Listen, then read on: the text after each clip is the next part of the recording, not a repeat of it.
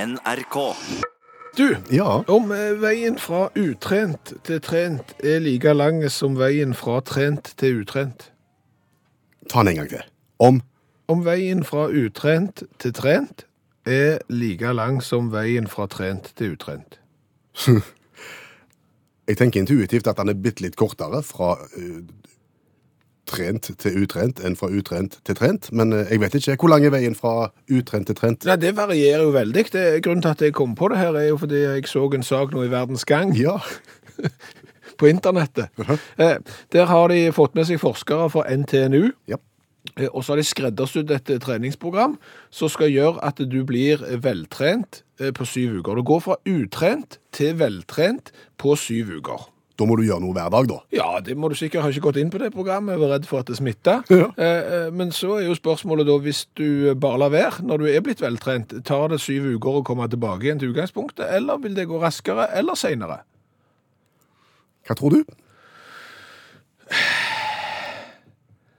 Jeg vil tro at hvis du ikke legger deg i selen, alvorlig i selen, eh, så, så vil det ta lengre tid å bli utrent enn enn, eh, Altså, det tar lengre enn syv ute- uker for å gå fra veltrent til utrent igjen. Så du, du mener egentlig at du må legge et skikkelig opplegg for å klare det dersom du skal klare det på samme tid? Ja, det er jo veldig fokus på dette med å så motivere folk for å komme seg opp av godstolen, eh, begynne å mosjonere, få disse skrittene de skal ha hver dag, begynne å løfte sånne rare ting. Det er jo et fokus på det i ukeblader, i aviser, på TV.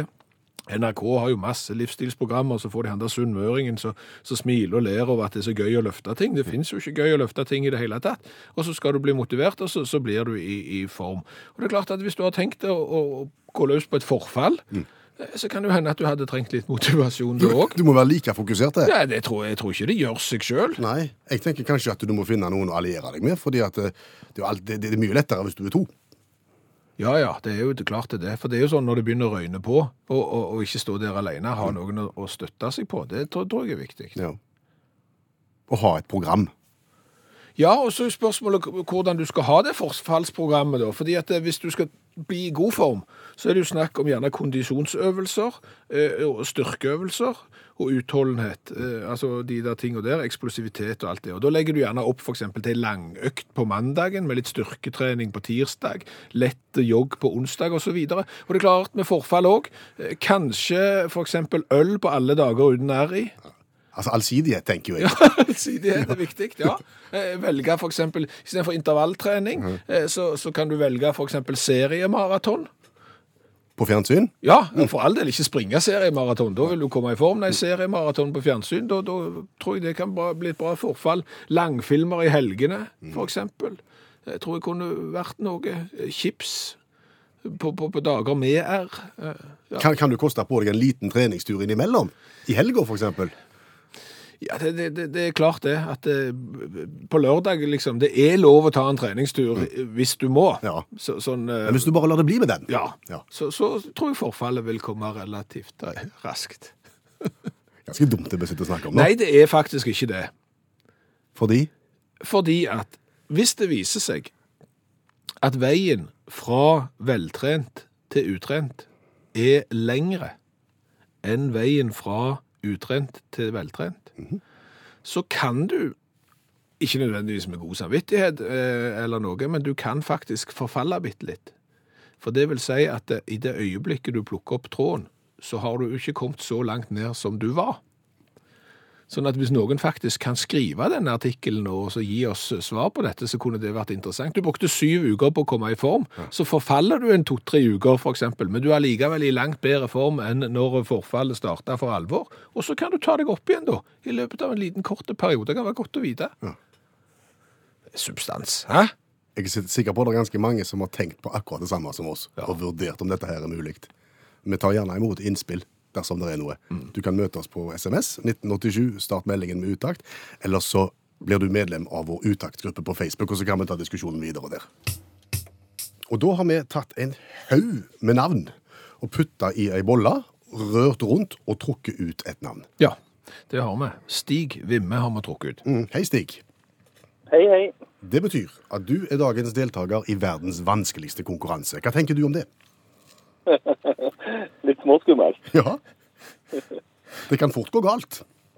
Ja, Det kan det. Det pleier å gjøre det. men det hadde vært, det hadde vært utrolig artig hvis det gikk godt. Ja, sant? Da, da skal vi prøve. Du er ute og lufter bilen, men har eh, med hensyn til tras- fra- trafikksikkerhet eh, parkert og er er klar. Ja.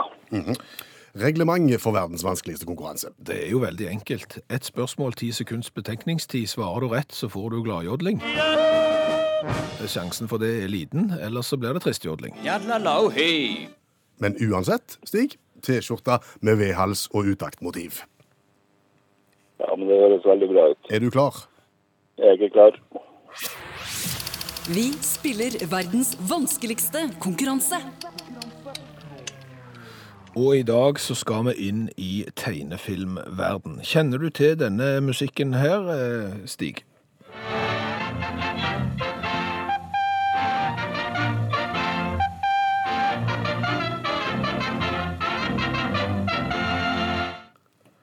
Ringte det, Ja.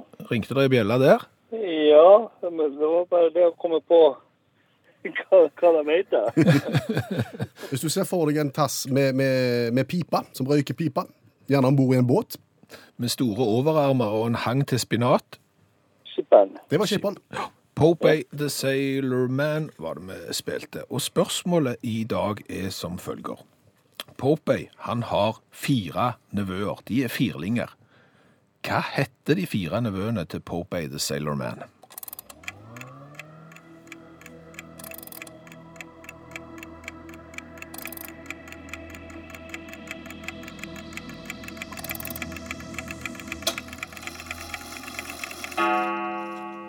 Nå ble det stille, Stig. Ja, det ble eh, jeg, jeg, jeg har ikke anelse. Nei, Visste du egentlig at, de, at skipperen hadde fire nevøer? Nei, jeg gjorde ikke det. Nei, Ikke vi heller før i går. Nei, vi, vi gjorde ikke det. og Vi syns egentlig det er litt rart, for eh, Popeye the Sailor Man er visstnok enebarn. Eh, og da er det jo godt gjort å ha noen brødre s- eller søstre som har fått unger, men han har nå da fire nevøer allikevel. Og de, ingen forslag hva de heter. Nei. Yadlalau hei. Da kom tristjodlingen, Stig. Ja, det gjør de. Ja. De heter Pip-Eye, Peep-Eye, Poop-Eye og Pup-Eye. De heter Akkurat. Jeg er litt usikker egentlig på hvordan de uttales, men kan jo la skipperen fors- fortelle navnet de sjøl. One for Popeye, one for Pipeye, one for Popeye, and one for Peepeye. Pi- Pipeye, Popeye. Ja, det er Pip-Eye, Peep-Eye, Pup-Eye og Pup-Eye. Ja. Det er nesten likt alt i sammen. Så... Men da har vi jo lært oss noe nytt i dag, Stig, har vi ikke det? Det har vi. Og ringer dere meg gjennom det der, så skal jeg huske dem. Ja, men det er bra. Da har vi en plan. Ha en god dag. Takk dere òg. Vignetten for dagens revyvise er på 20-20 sekunder. Ja, eh, og det er jo bare egentlig en anledning til å få sett litt på nyhetsbildet rundt omkring i den store verden, eh, spesielt utlandet. For det er jo et mye større land enn alle land til sammen. Vi havner ofte i utlandet når vi skal finne stoff til dagens revyvise. Så altså er en, en liten stuttsang på 20-20 sekunder som omhandler et tema vi har funnet der ute. Ja, og, og hvor har du vært og plukket eh, nyheter i dag? Amerika. Amerika. United States of the USA. Overskrift Rambukk i rettssal. Rambukk i rettssal. Høres dramatisk ut. Vet du hva en rambukk er? Ja, det er jo sånn som du bruker for å for eksempel eh, slå inn ei dør. Ja. Politiet har gjerne en rambukk når de skal eh, inn ei dør som er låst. Du tar rennefart, og så bare dryler du gjennom, ikke sant? Stemmer. Og når du kombinerer det med rettssal, så ser du kanskje for deg drama, gjør du ikke det?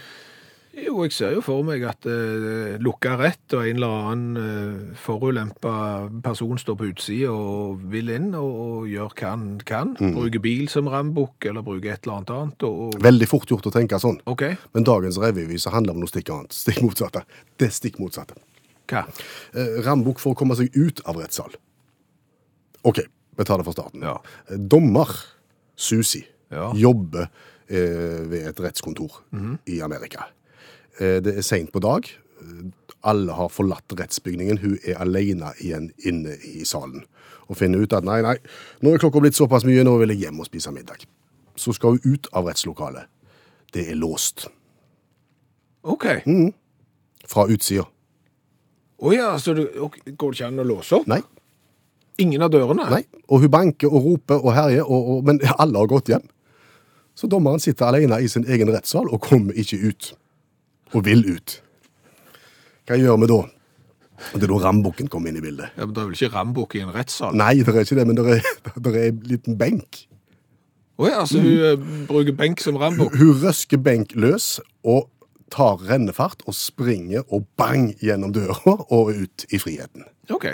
Nå er jo dette her en historisk og arkitektonisk vakker bygning, så dette her er jo ikke bra i det hele tatt. Nei, det blir dårlig stemning. Det ble dårlig stemning en stund, fordi at, ja, det, det- for det ble jo ødelagt.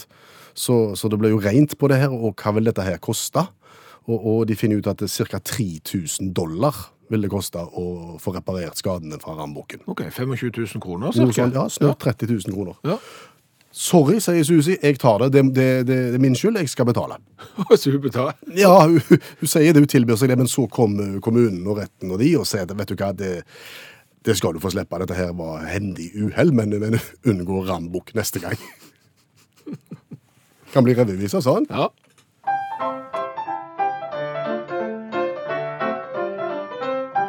Da var den dagen over, og Susi ville hjem. Tok på klær og skulle vandre ut av retten. Men når døra er låst og ingen andre er på jobb, ja, da mangler du jo gjennomgangsbilletten. Hun ble fortvila og sa tenk nå, Susi, tenk. Går det an å lage rambuk av en benk?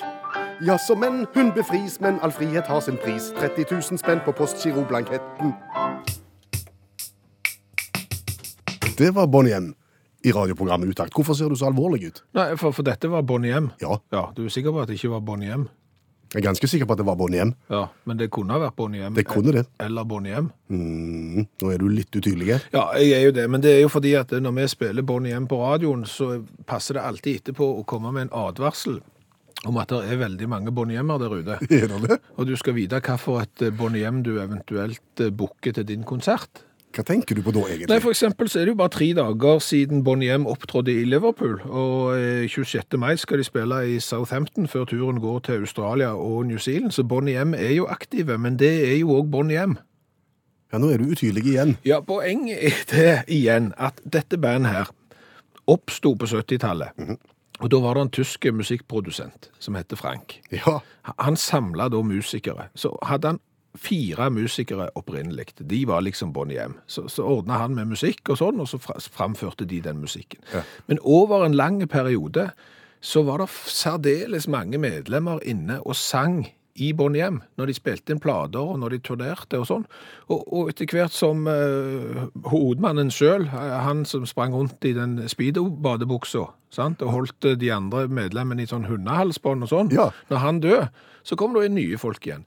Og det som jo da skjedde, er at liksom etter hvert som Bonnie M har gått i oppløsning, så har det oppstått nye Bonnie M-er med de folka som har vært inne og sunget med Bonnie M før. Å ja, for de påberoper seg eh, Bonnie M- Bonnie M-status flere steder, altså. Ja, fordi de har liksom vært i Bonnie M, Mm. så da kan de kalle seg for eh, Bonnie M. Og jeg tror den Bonnie M-en du kanskje har lyst til å ha på konsert, det er Liss Mitchell sin Bonnie M, for hun har vært med fra starten av. Å ja. Eh, Og så er det andre Bonnie M-er igjen der eh, utenom. Ja, Er det noen tegn en kan se etter om, om en er på, på, på forrektige Bonnie M? Nei, jeg, er- jeg er ikke sikker på om det er muligheter til å sjekke hvilken Bonnie M du faktisk er på konsert med. Men når jeg tenker meg om, så er det gjerne ikke så farlig. Hvis det er noen på scenen som kaller seg for Bonnie M, og de spiller Bonnie M sine sanger, så, så bør jo det for så vidt være eh, greit. Hva med en Bonnie M-festival? Med Bonnie M på alle scenene. Ja, da, da kunne du samle alle Bonnie M-ene. Ja. Så kunne du hatt Bonnie M på, scenen, på den lille scenen, og på den oransje scenen har du Bonnie M. Ja. Og på hovedscenen i kveld, Bonnie M. ja. Det har de gjort seg, og alle sang By the Rivers of Babylon. Ja, og Brown Girl in the Ring. Ja. Tøft. Da har vi det. Da har du advart, i hvert fall. Nico D. Jungelen. Vet du hva for et dyr i jungelen som er størst? Nei. Slangen. Slangen. Mm, den er jo enorm. Nei, det, nei, Hva for et dyr i jungelen er flinkest til å danse? Nei, det, nei, det er sikkert ordspill, vet ikke. Orangotangoen. Nå er du på et lavt nivå. Mm. Fattigste dyr i jungelen. Tiggeren. Oh. Mest miljøvennlige dyr i jungelen. Skal vi fortsette? sånn? Nei, den siste. Ok. Det er pan- det er panteren. Nok nå. Det var haugen på nok. Ah, ok, Hva har vi lært i dag? Vi har lært at du ikke kan eh, Ikke spesielt god på jungelvitser. Ikke er spesielt god på jungelvitser, men verdens største jungel er Amazonas. Å ja. Da kan du lære det. Eh, ellers har vi lært det at eh, ifølge VG og NTNU Mhm. eh, så skal de klare å gjøre deg eh, veltrent på syv uker hvis du er utrent. Fra null til trent på syv uker. Ja, Ok. eh, Det vi ikke får svar på, det er jo eh, hvor fort går det an å forfalle. Hvis du først har blitt veltrent og tenker at nei, dette syns ikke jeg var noe for meg. Jeg er, jeg er ikke typen til å, å- å springe rundt dette vannet tre ganger i uka. Jeg Tar vil det bare- sju uker da å komme tilbake igjen til utgangspunktet? Ja, det vet vi ikke. Nei. Det, det, så vi har bare lært halvparten av den eh, greia der. Ellers så har vi jo lært det at eh, skipperen, altså Popeye the Sailor Man, Mm. Ja. har fire nevøer. Ja. Og det er ganske oppsiktsvekkende, for Popeye the Sailor Man er da enebarn. Ja. Men han har fire nevøer, og de har jo veldig kreative navn. Jeg tror vi lar skipperen fortelle navnet på de sjøl. One for Popeye, one for Pipeye, one for Popeye, and one for Peepeye.